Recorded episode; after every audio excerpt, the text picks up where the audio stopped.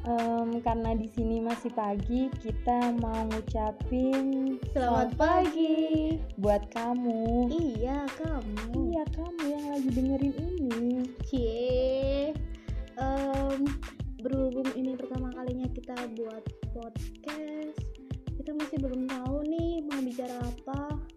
Mungkin di episode selanjutnya kita bakal ngebicarain tentang percintaan Atau, dunia K-pop? ataukah dunia lain.